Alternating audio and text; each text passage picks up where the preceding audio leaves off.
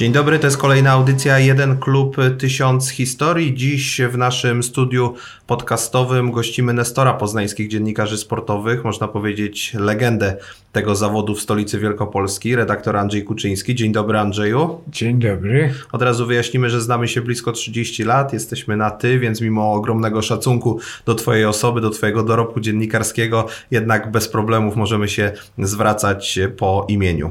Całe szczęście.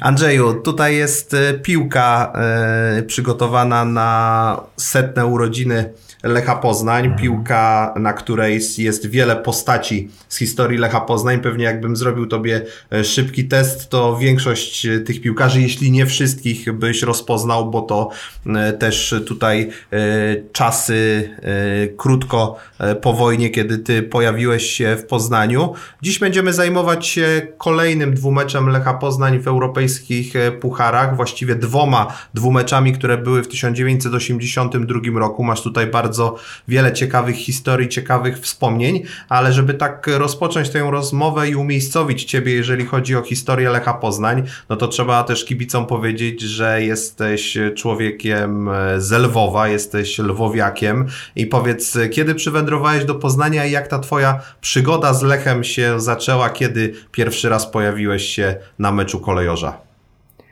E, dokładnej daty nie pamiętam. Na pewno był to rok 1948. E, no, Czyli pierwszy w całą, ekstraklasie Całą sezon. podróż wielką odbyliśmy, bo e, jak w moim życiorysie jest około 20 mieszkań w różnych miejscowościach, zanim dotarłem, dotarliśmy z rodzicami. Wtedy byłem sam bo mam rodzeństwo, ale to ono, że tak powiem, pojawiło się później. No na przykład y, tydzień, dwa tygodnie po zakończeniu Powstania Warszawskiego mieszkaliśmy przez blisko trzy miesiące w Warszawie. To ale nie zostaliście w stolicy. Nie zostaliśmy, ale oczywiście pamiętam doskonale te ruiny, mimo że byłem no, kilkuletnim chłopcem. Pamiętam, że mieszkaliśmy przy ulicy Chorzej.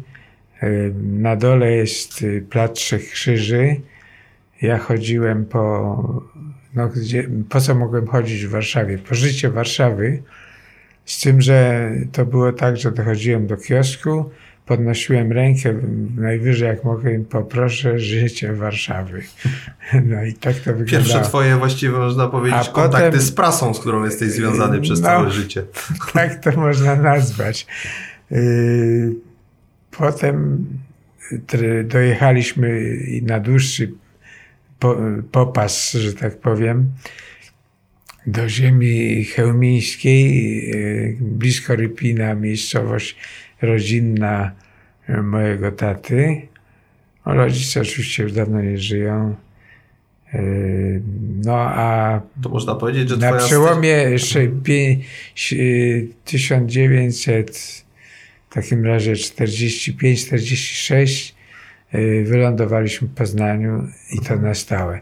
Ale też w Poznaniu też miałem kilka mieszkań. Mhm. To, które mam teraz, mam, zajmuje najdłużej przy ulicy Słowackiego. Bo jak mówisz o Rypinie, w Rypinie jest klub ze stuletnią Lech. tradycją Lech właśnie, więc tak. jakby ten Lech przewijał się już od dziecięcych tak. lat właściwie można tak, powiedzieć w moim się. życiu.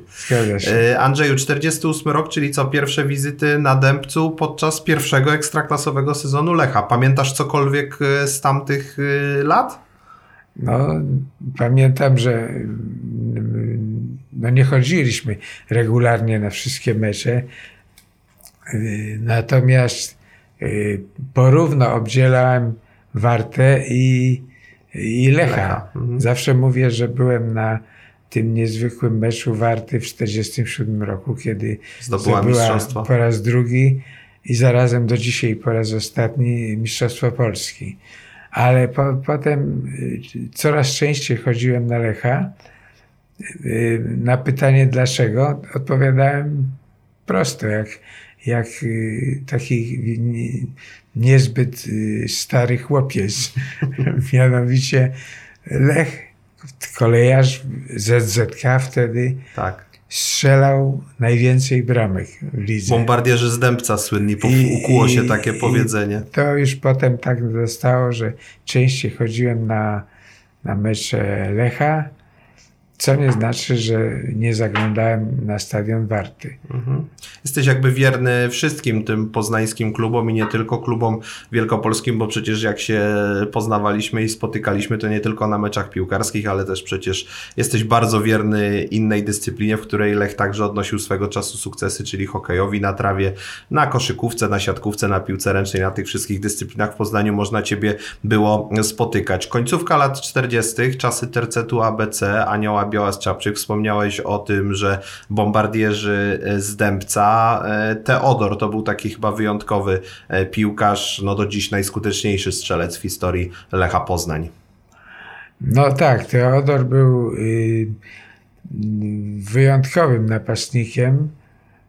Jak go opisywał y, Mielech z Krakowi, to mówił, że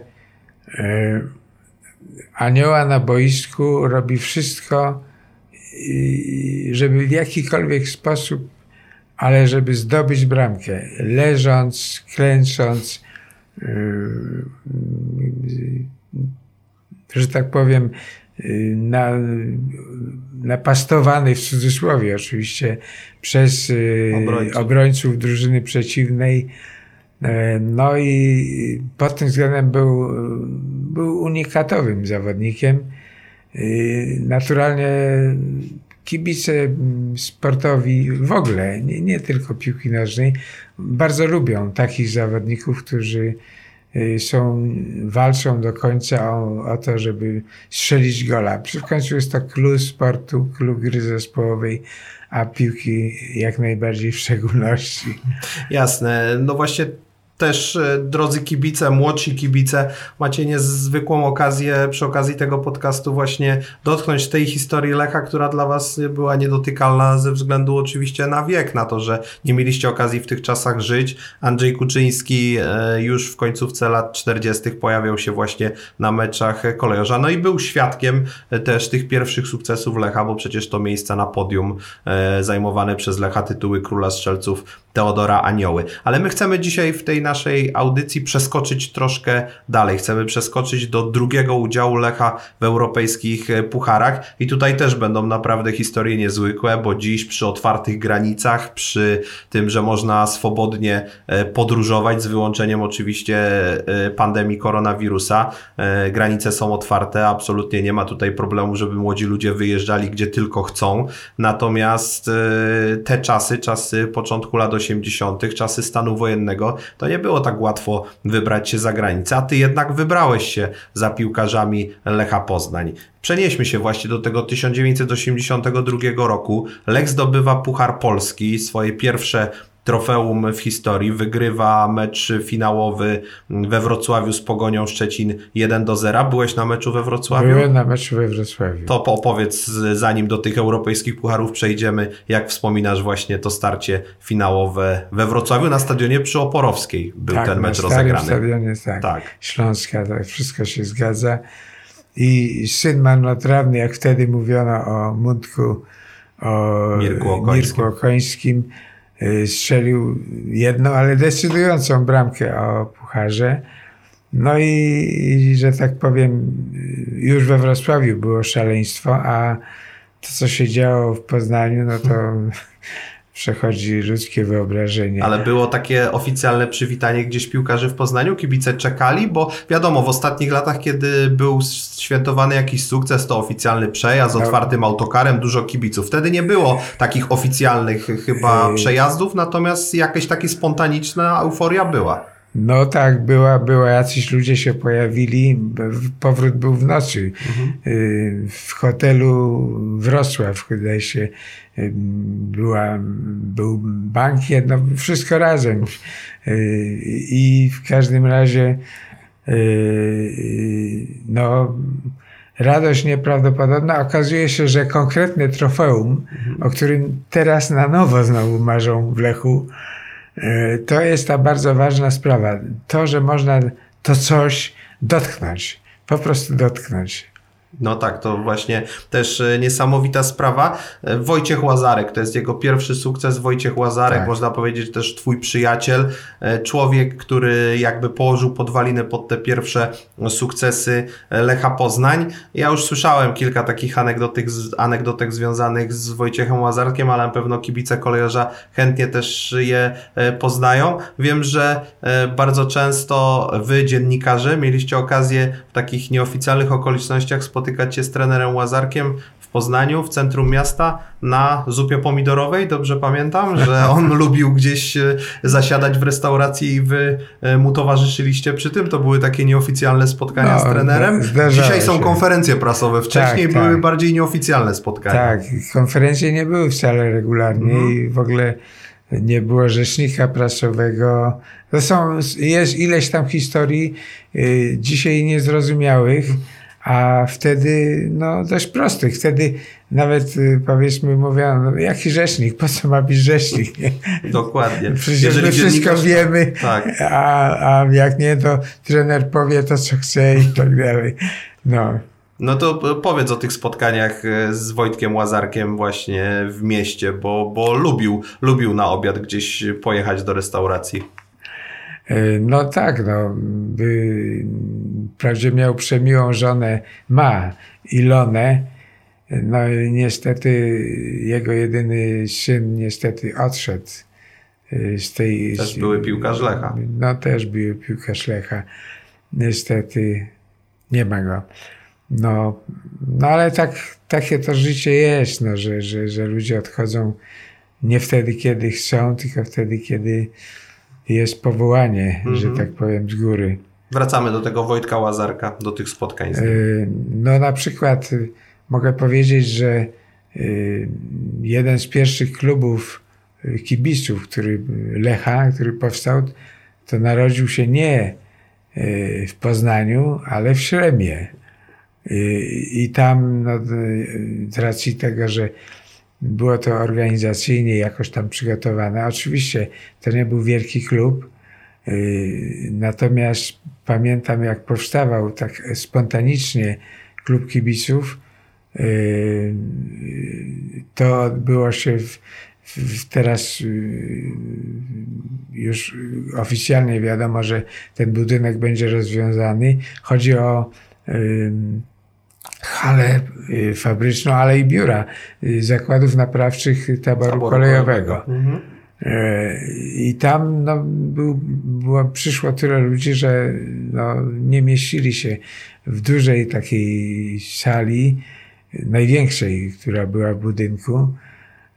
No widać było, że ludzie niesamowicie przeżywali. Czuli jakąś więź, Y, w ogóle y, to było to, na, na co czekano, y, ale nikt nie, nie wiedział, jak, jak to poprowadzić dalej. Ten klub istniał jakieś 2-3 lata.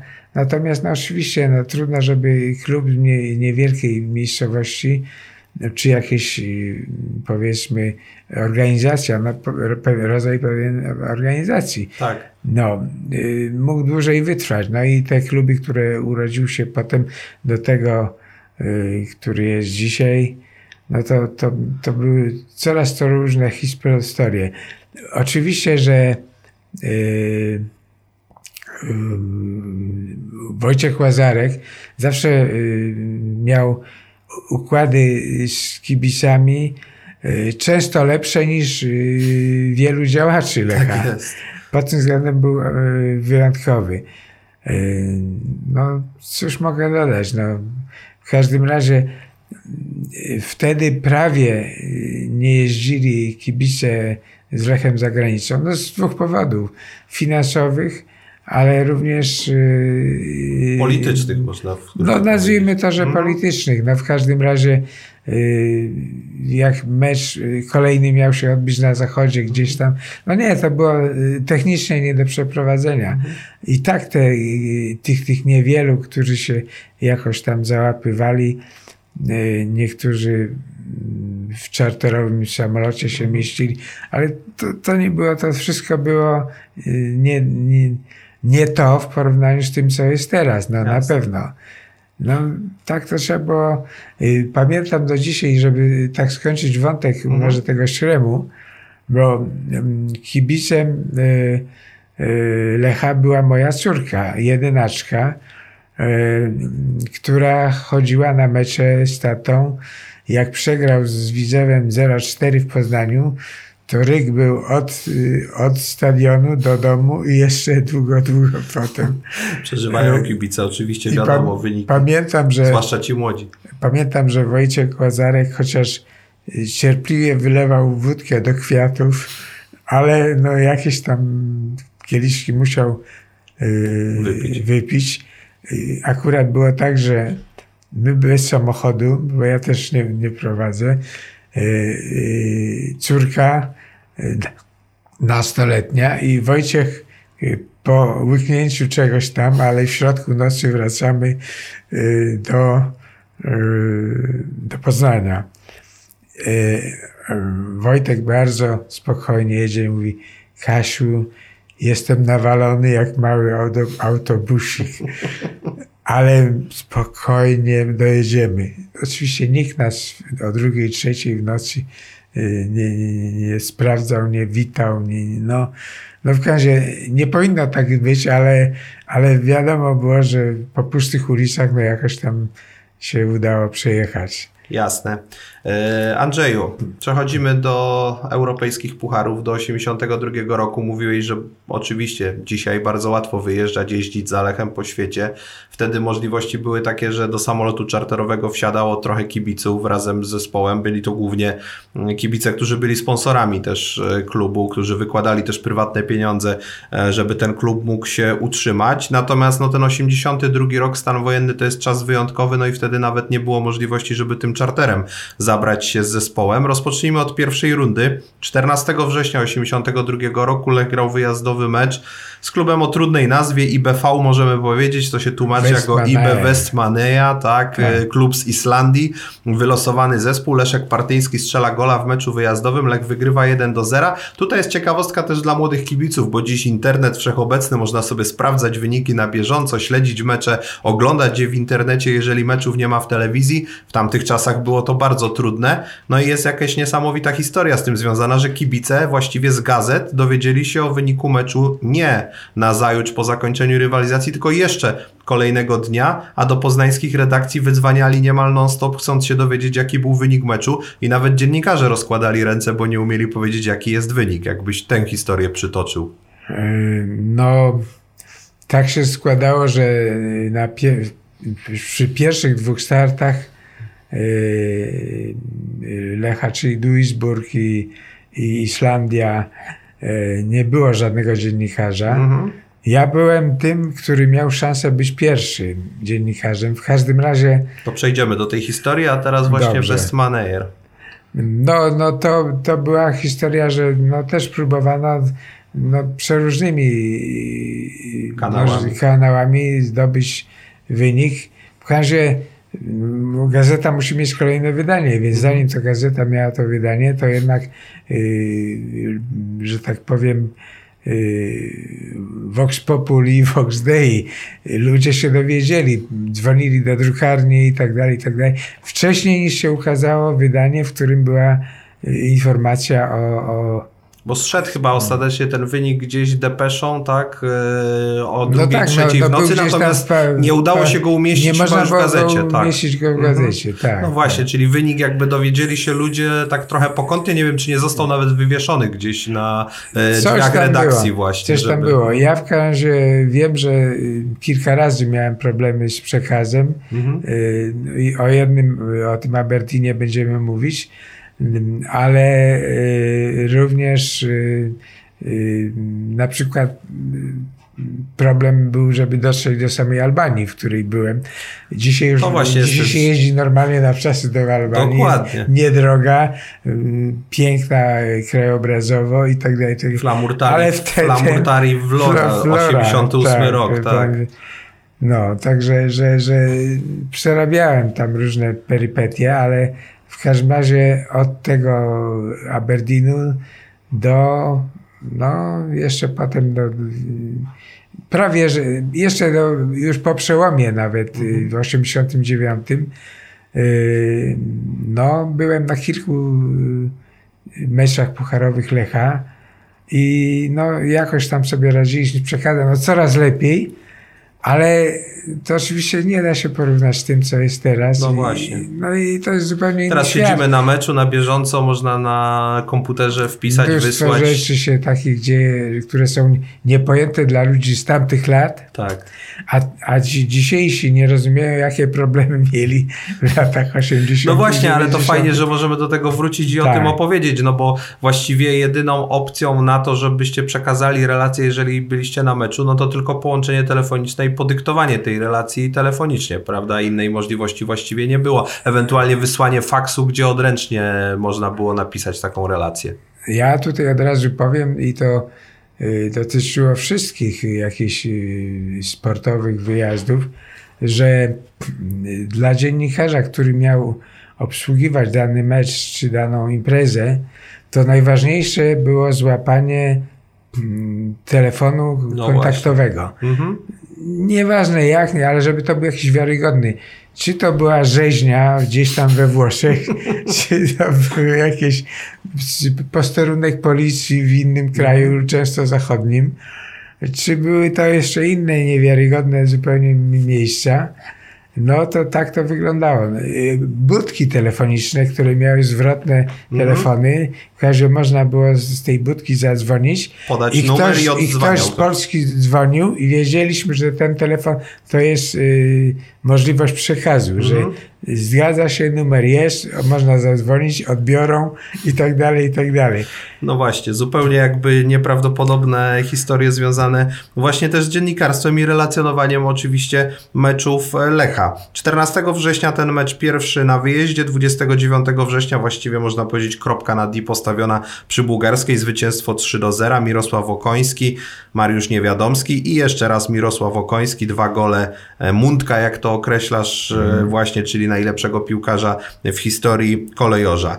I przychodzi runda druga, runda, w której Lech losuje szkocki zespół e, Aberdeen. E, No i teraz muszę zadać pytanie, tak brzydko może trochę powiem, ale co ci strzeliło do głowy, żeby stwierdzić, że wybierzesz się do Szkocji, że spróbujesz się przebić e, do Szkocji na ten pierwszy mecz Lecha. Ja rozumiem też to twoje postępowanie, bo mi wiele razy w e, mojej przygodzie dziennikarskiej strzeliło do głowy, żeby gdzieś za Lechem pojechać, czy to na mecz w europejskich pucharach, już tak bardziej oficjalnie i też zdecydowanie łatwiej było oczywiście dotrzeć, no ale też pamiętam Lecha drugoligowego, gdzie człowiek przedzierał się czy to do Gorzyc, czy do Zamościa, do Kietrza i tym, tych, tych mniejszych miejscowości, no ale tu jest wyprawa w stanie wojennym, mamy stan wojenny, Polska jest właściwie zamkniętym krajem, e, Polska jest e, e, kontrolowana właściwie wewnętrznie, no i jak, jak to wyglądało, jakbyś mógł tutaj tę historię przytoczyć, bo ona jest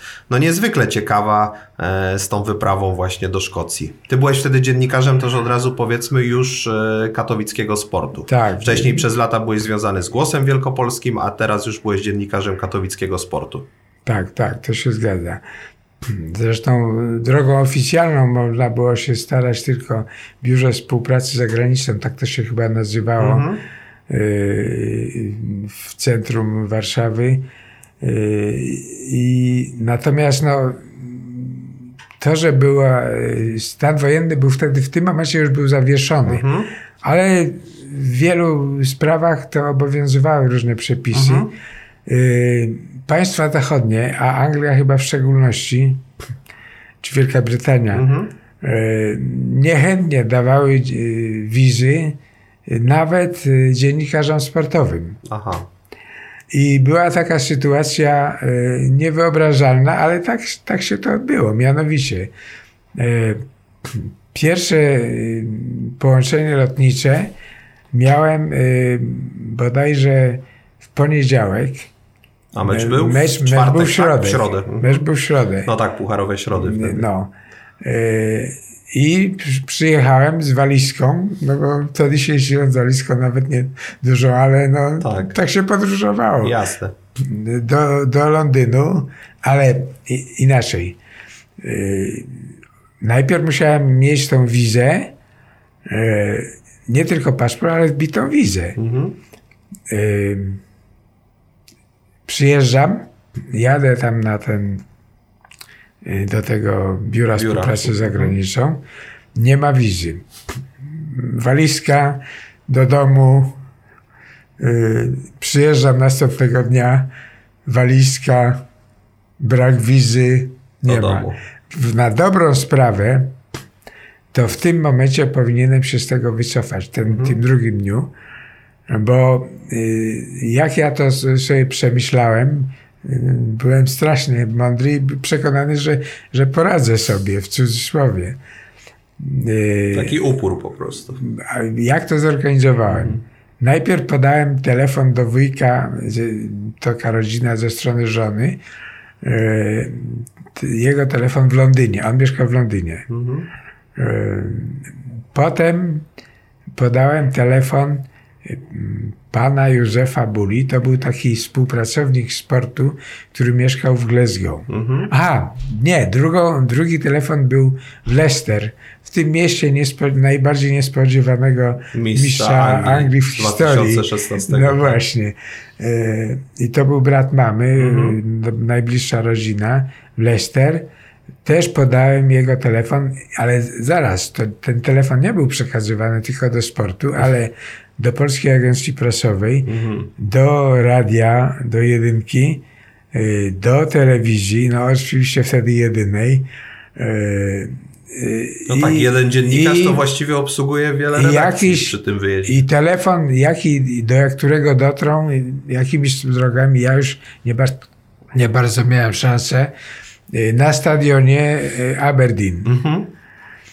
Y, No i co y, już, już we wtorek po południu to jeszcze różne rozmowy z ludźmi, którzy częściej mieli szansę podróżować i tak dalej, i tak dalej. I mówią, że no, no to jeszcze można by zrobić tak, że y, dolecisz y, do Londynu i tam przesiądziesz na, na jakiś tani, na jakiś tani samolot i dotrzesz przed meczem. Mhm. Bo wszystko się To faktycznie, bo już czasowo się wszystko robiło sprawdza- gęsto, tak? Bo wtorek po południu, a mecz I następnego teraz dnia. przyjeżdżam, przyjeżdżam y, na y, dworzec centralny w Warszawie. Mhm. Y, Godzina siódma rano, czy coś takiego. O dziesiątej mniej więcej jest samolot. W środę już. Liczenie, tak, liczenie godzin, jak co, co i tego. Tak. Y, Jest wiza, jest wiza, lecę. Y, Na, na lotnisku w Londynie był ten wujek jeden, Mhm. nazwijmy go to. Tak. Y, Okazuje się, że połączenia są tylko normalne. Było 6 czy 7 połączeń. Mhm. Trzeba pamiętać, że Aberdeen to był jakiś przemysłowy region był, i było bardzo dużo połączeń lotniczych. Nawet zaskoczony byłem, że tak Mhm. wiele. No ale kasa, ja miałem jakieś pieniądze swoje. No. Wszystkie pieniądze, które miałem dewizo, dewizy. E, No ale no jak, to, to wydać to wszystko, no nie Teraz no. W- no, lot. no to powiem szczerze, że nawet w domu nie wiedzieli, ile ja tych pieniędzy posiadam w uszach. E, No i rozmowy, rozmowy, no nie, no te są za drogie samoloty, może pociąg. Y, Trzeba pamiętać, że z, z Heathrow do centrum y, Londynu jedzie się godzinę metrem. No nawet, właśnie. nawet metrem, godzinę. I teraz jak to zrobić? No, no w każdym razie, no, stanęło, no już wiedziałem, że nie, że się wycofam, bo nie jestem w stanie y, zapłacić. Może bym jeszcze był w stanie zapłacić y, podróż w jakikolwiek sposób w jedną stronę, No, ale jak ale wrócić? trzeba byłoby wrócić. No właśnie. I tak to było. Jakiś kontakt miałem w ciągu dnia, nie wiem jak ja, to, jak ja się tam dodzwoniłem. Mhm. Bogdan Zajler, prezes Lecha. klubu ówczesny, odebrał telefon, już, już byli w Aberdeen. Tak. No i stanęło na tym, że, że może się uda tam dodzwonić, ale nie udało się, no bo oni nie mieli żadnych telefonów. No właśnie. Telefony tam Nie istniały komórkowe jeszcze na, od Te, które też. montowano na, na y, pulpitach, znaczy na, no tak, Na stanowiskach pulpitach, prasowych, no, tak, tak. Mhm. To, to były, to re- redakcje zachodnie płaciły za to normalnie. No, no byłem bez szans, że przekażę. Cały czas liczyłem, że ten telefon i ten bardzo suche wiadomości, które e, doszły e, e, do mnie, poradzę sobie, znaczy poradzę, że to no, chociaż z tego coś będzie. No, Pozwolą coś było, było to bardzo nędzne, od razu Mhm. powiem. Y, Dowiedziałem się w ogóle wyniku i wszystkiego bardzo późno. No i tyle. Taka to wyglądała ta wyprawa, ale Mhm. był taki moment, że w redakcji w Warszawie, w, że w Warszawie był oddział redakcji, taki trzy pomieszczenia, bo to był duży oddział, 5-6 osób. Y, No i tam się ci, ci którzy wy, wylatywali, wyjeżdżali za granicę, często korzystali z gościnności tej, tego oddziału redakcji. Aha, Oczywiście dziennikarze sportu. jasne. No i ja w każdym w, końcu wróciłem. To nie będę opowiadał o szczegółach innych. Wróciłem do Warszawy, bo ostatni lot był, którym, jedyny zresztą lot, był w poniedziałek. e, I przyjechałem do tej, tego, żeby się zameldować, że w ogóle jestem. Mhm. E, A koleżanka, która obsługiwała, bo dużo się nadawało y, informacji przez telefon. Telefon, tak, się tak dyktowało. wcześniej. Dyktowało się. Dyktowało tak? się teksty, tak. I ja mówię, y, no Hanka, no nie wiem czemu tam się nie dozwoli. A, a jak to z tobą? Przecież yy, bo myśmy dzwonili. Mhm. A Ja mówię, jak dzwoniliście? No ja przecież byłem tam mniej więcej. Fakt, że nie byłem cały czas, bo przed meczem było y, właściwie 2-3 godziny, czy nawet 5. Tak. Y, To ani połączenia, nic, to i tak poszedł, poszedłem tam gdzieś tam. Y, No i, i on mówi, słuchaj, ty po prostu już u nas nie pracujesz. Nie ma ciebie. A mówię, jak to nie ma? Mówię, wróciłem, jestem, jak chcesz, to kładę słuchawkę i zadzwoń, sprawdzisz, że rozmawiasz, że ja jestem w Warszawie, nie? No tak. Potem było ciężkie odkręcanie, no ale Jasne. Andrzeju, to ja z kronikarskiego obowiązku poinformuję też o wyniku meczu w Aberdeen, żeby też młodsi słuchacze wiedzieli. Przygotowana woda dla Ciebie, więc ja Tak. powiem o, o, o wyniku. Ty masz e, chwilę pauzy przy tej swojej fajnej opowieści. 20 października 1982 roku mecz na stadionie Pittodrie w e, Aberdeen. 0 do 2 porażka Lecha. E, McGee i Weir strzelali gole dosłownie w ciągu minuty. 55, 56 minuta. E, Gordon Strahan między innymi w e, składzie drużyny Aberdeen, no ale przede wszystkim tą najważniejszą osobą, która e, była w Aberdeen, to Alex. był obecnie Sir Alex Ferguson, Tak. czyli trener, który w latach 78-86 bezpośrednio przed przejściem do Manchester United prowadził właśnie Aberdeen. No i z tego co wiem, to jak przyleciał do Polski na mecz rewanżowy, to bardzo mocno cię Ferguson właśnie e, poszukiwał, bo chciał się dowiedzieć, co to za dziennikarz e, był e, nawet nie na pierwszym meczu, tylko był na Wyspach Brytyjskich i wszyscy go szukali. to było nawet troszkę inaczej. Aha. Była tutaj normalna konferencja prasowa, Mhm. no, z, z udziałem obyd, obydwu trenerów. Jak konferencja, ta oficjalna część się skończyła, to Ferguson mówi, ja mam jedno pytanie. Y, Czy tu jest dziennikarz, który podobno miał być w Aberdeen, ale ja go nie widziałem. Aha, rozumiem. Tam To ja. wskazał, To ja. wskazałeś, tak, tak. No i był śmiech, no i tyle. Jakoś to się skończyło. Aha. Nie wyrzucili mnie wtedy z pracy, to był Aha. problem, bo No jasne, jasne, stan no wojenny to... No, Nie dotarłeś na mecz, na którym miałeś być, więc jakby tutaj, No tak. no tak, y, jakieś służbowe konsekwencje Ja. faktycznie e, mogły być. E, Chyba Ferguson tam chodziło też o historię, dobrze pamiętam, że e, właśnie próbowali się z Polski dziennikarze dodzwaniać właśnie do Aberdeen i oni stąd wiedzieli, że miał być tam dziennikarz, którego wszyscy szukali z Polski właśnie Tak. próbując się dodzwonić. tak, tam było, tam telefonów podobno było mnóstwo. Mhm. No rozumiem, więc y, nie udało się tego meczu zrelacjonować ze stadionu, ale i tak absolutnie tutaj wielkie uznanie, że próbowałeś przebić się na, na ten mecz w Szkocji. Mecz rewanżowy, jakby kibice też nie do końca sobie chyba zdawali z klasy rywala, Aberdeen, bo tak. była chyba duża wiara przed rewanżem, że ten wynik 0 do 2 da się odrobić. 30 tysięcy ludzi przyszło na bułgarską No. na mecz y, rewanżowy z właśnie z Aberdeen była chyba taka wiara właśnie w awans do Bohaterem, rundy. bohaterem meczu był Zbyszek Pieśnierowicz. Dokładnie, którego potem którego chcieli bardzo kupić. chcieli Właśnie. kupić, a, ale on, on zaprzecza do dzisiaj, że, że to były tylko jakieś tam opowieści. A z Mirkiem Okońskim rozmawiałem kiedyś z Mariuszem Niewiadomskim, oni się zarzekali, że szkoccy dziennikarze im mówili po pierwszym meczu, że właśnie Pleśnierowicza chce Aberdeen, więc jakby no chyba jakieś Na ziarnko, ziarnko prawdy jest, e, jest e, w tym, w tym e, temacie. Remecz rewanżowy 3 listopada 1982 roku, porażka 0 do 1, pożegnanie się z europejskimi pucharami. No ale mam wrażenie, że tak jak mówiłem, niedocenieni zostali e, Szkoci, bo oni sięgnęli po puchar Tak. zdobywców pucharów w tym tak, tak, 83 roku, sezon 82-83. Wynotowałem sobie, że w ćwierćfinale wyeliminowali Bayern Monachium, w półfinale belgijski Gengi, finał rozegrany na stadionie Nyja Ulewi w Göteborgu z wielkim Realem Madryt, zwycięstwo 2 do 1 po golu Johna Hewitta w 112 minucie, czyli w dogrywce, więc wielki Real pokonany. Właściwie no, można powiedzieć, że Lech jakoś miał takie szczęście, że w tych europejskich pucharach losował drużyny, które potem Tak. albo docierały do Często. finału, albo właśnie sięgały Tak, po tak, trofeum, tak. bo przecież wspominałeś Ale tu znakomite towarzystwo przecież. No, No właśnie. Właśnie, no bo to jest e, tak, że 84 rok to był mecz z Liverpoolem, który potem był w finale, słynnym finale na Hazel w 85, Mm. porażka z Juventusem.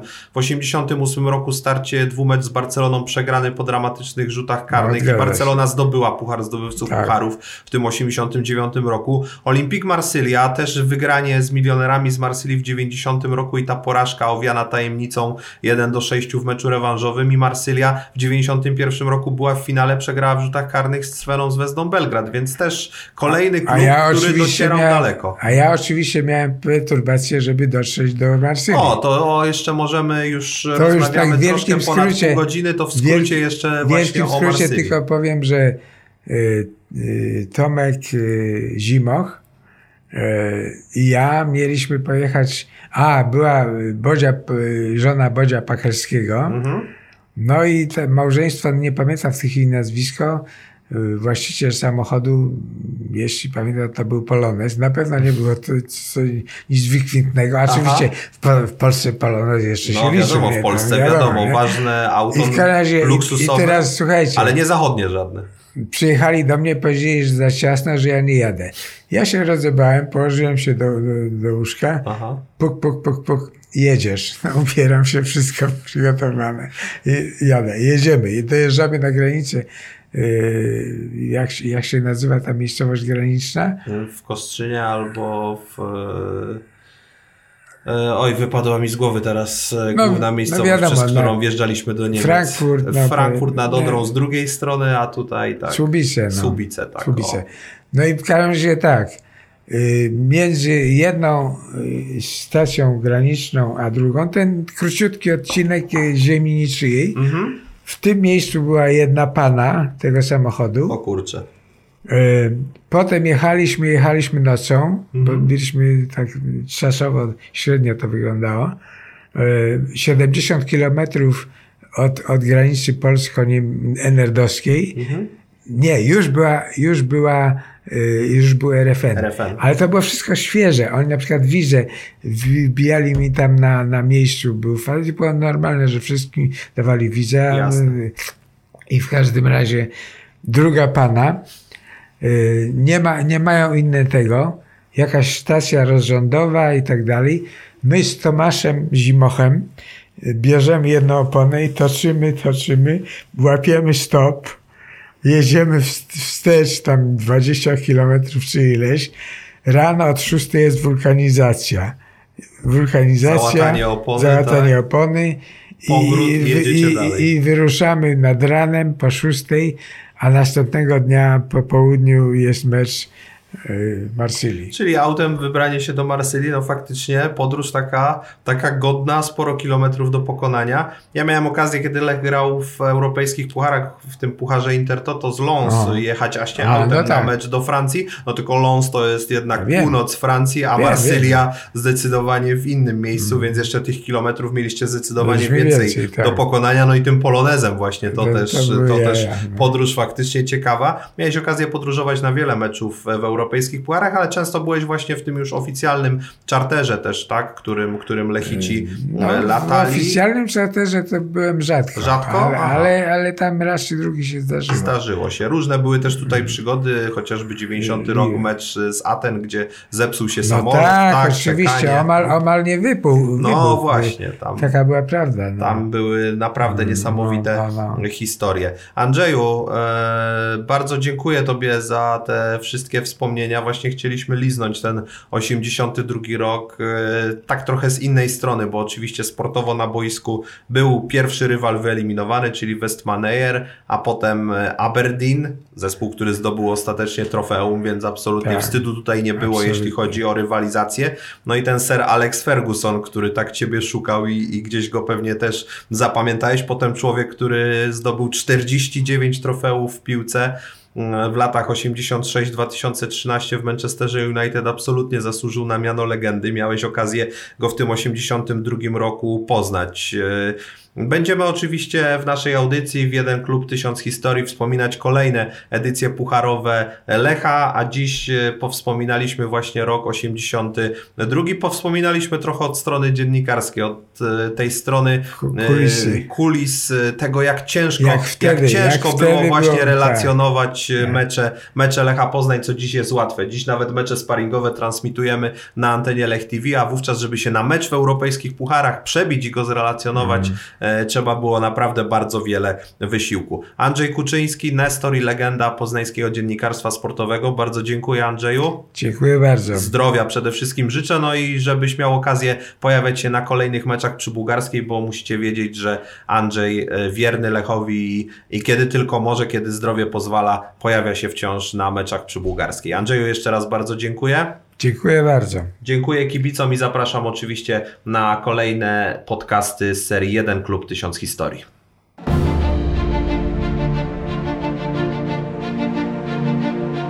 Jeden klub, tysiąc historii.